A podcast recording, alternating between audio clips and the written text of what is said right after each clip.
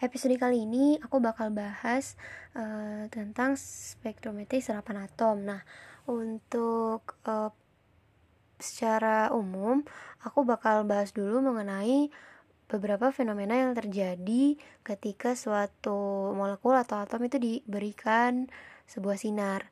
Nah, kalau misalnya suatu atom diberikan sinar, ada beberapa fenomena yang terjadi yang bakal kita pelajarin yang terjadi adalah fenomena serapan, fenomena emisi, dan fluoresensi. Nah, untuk masing-masing fenomena akan ada tiga metode masing-masing juga yang e, digunakan untuk mengukur fenomena yang terjadi.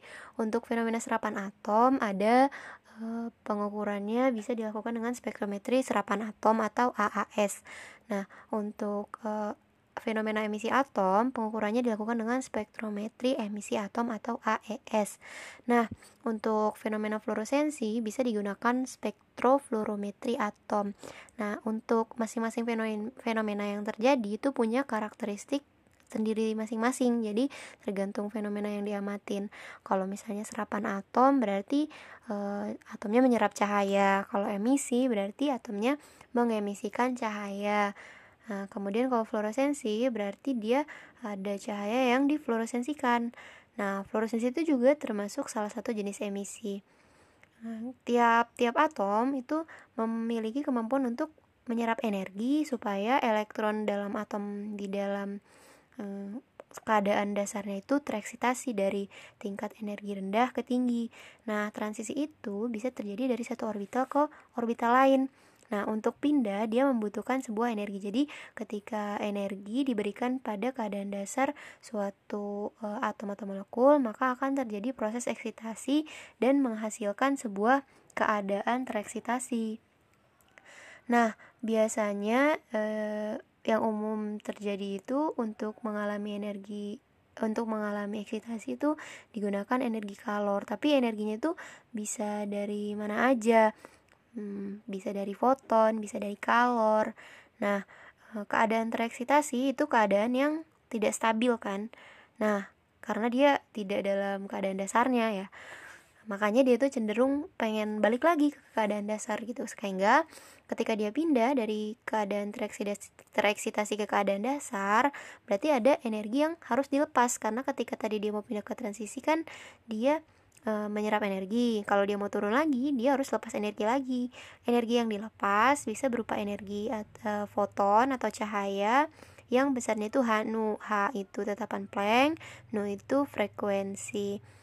Nah, untuk e, energinya yang diserap pada saat keadaan dasar ketika tereksitasi kemudian e, mengalami penurunan energi lagi untuk menyukai kembali ke kestabilan ya. Dia pengen kembali ke keadaan dasar mengeluarkan energi. Nah untuk berbagai eksitasi dia bisa banyak jenisnya ya. Karena uh, atom di kita kan punya orbital banyak banget ya di atom ya. Ada S ada P. Jadi uh, keadaan eksitasi bisa terjadi misalnya dari S ke P dan seterusnya S ke P P ke D dan banyak lah makanya kalau misalnya dia Eh, menyerap berbagai macam energi itu kan ada tingkatan energinya ya. S ke P beda energinya dan tertentu gitu ada nilainya. Kemudian P ke D juga dan lain-lain. Nah itu tuh udah ada energi tertentunya. Makanya panjang gelombang untuk setiap transisi itu udah uh, itu aja segitu aja. Dan berarti karena di orbitalnya banyak panjang gelombangnya pun macam-macam. Nah pada proses emisi tadi kan uh, energinya tadi uh, kalau misalnya dia turun ke keadaan dasar Nah, kan dia bisa mengeluarkan energi dalam bentuk apa aja. Nah, untuk emisi dia mengeluarkannya dalam bentuk energi cahaya. Makanya energi cahaya yang diemisikan masing-masing atom di transisi yang beda-beda itu punya energi yang beda-beda juga yang diemisikan. Nah, dengan kata lain, panjang gelombangnya itu akan e, bergantung ke seberapa besar energi yang akan dilepas. Nah, yang uh, semakin uh, kecil jarak transisinya jadi uh, di dari elektronnya jadi kayak orbitalnya makin jauh maka energinya makin gede dan lambdanya pun juga akan semakin kecil. Nah, karakteristik unsur unsur-unsur atom kan untuk emisinya itu bakal beda-beda Kenapa? Karena yang seperti tadi aku bilang kan orbitalnya banyak, jadi konfigurasinya itu beda-beda. Makanya yang terjadi adalah tiap-tiap uh, atom kita bisa amati memiliki warna nyala masing-masing unsur yang beda. Jadi ketika sebuah atom dikasih flame test itu pasti warnanya beda-beda untuk jenis-jenis atom yang beda karena yang orbitalnya beda juga. Panjang gelombang yang diemisikannya beda-beda. Nah, nanti kalau peristiwanya diamati kemudian diukur jadi e, intensitasnya ada yang diserap itu ada serapan atom. Kalau intensitas sinarnya diemisikan berarti terjadi emisi atom. E, untuk intensitas yang difluoresensikan itu spektrofluorometri atom. Jadi itu adalah fenomena-fenomena yang bisa terjadi ketika suatu atom diberi energi. Nah kalau misalnya kita memberikan suatu sinar ke e, sebuah sampel gitu. Nah, untuk energi yang bisa diserap atau panjang gelombang yang bisa diserap itu tuh akan bergantung pada jumlah atom pada keadaan dasar. Jadi intensitas atau jumlah sinar yang diserap akan bergantung pada jumlah atom pada keadaan dasar. Jadi e, proporsional gitu. Kalau misalnya jumlahnya banyak, berarti intensitas sinarnya juga lebih banyak kan yang bisa diserap gitu. Jadi e, lebih banyak atom yang tereksitasi. Nah, kemudian untuk e, energi yang diserap juga dia bergantung ke konfigurasi elektron atom. Jadi e, itu tuh menjadi dasar untuk analisa kualitatif dan kuantitatif di spektrofotometri.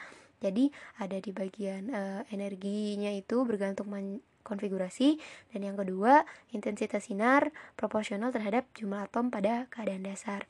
Nah, untuk analisa analisa kualitatif itu kan e, kalau kita lihat berarti kualitatif ya spektrum emisi masing-masing atom beda. Itu yang kayak tadi aku bilang tentang e, tes nyala gitu. Beda-beda kan warnanya panjang gelombang desilin beda-beda. Nah untuk analisa kuantitatif jadi intensitas sinar e, bergantung pada jumlah atom. Nah kalau emisi itu bergantung pada jumlah atom keadaan tereksitasi eh kalau misalnya uh, serapan berarti jumlah atom yang menyerap di keadaan dasar gitu. Kalau emisi pada keadaan tereksitasi. Kemudian masuk ke konstruksi alat untuk uh, tiap-tiap alat metode ya.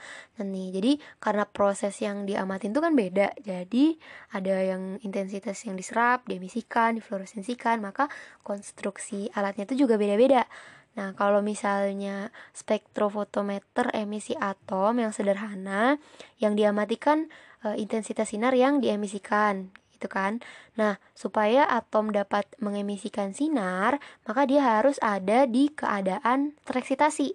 Nah, supaya atom-atom berada di keadaan tereksitasi, maka dia juga butuh energi dulu buat pindah dari keadaan dasar ke tereksitasi.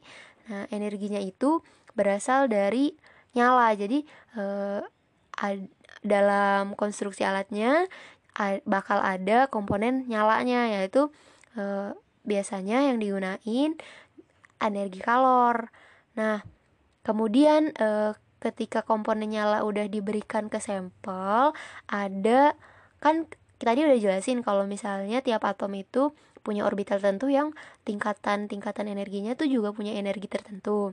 Nah, bakal kita pilih tuh panjang gelombangnya beda-beda nanti untuk memilih panjang gelombang kita cuma pilih satu aja dan digunakan komponen monokromator. Yang dipilih itu panjang gelombang seperti apa? Yang dipilih adalah panjang gelombang dengan intensitas sinar yang e, cukup besar supaya bisa kedeteksi sama detektor.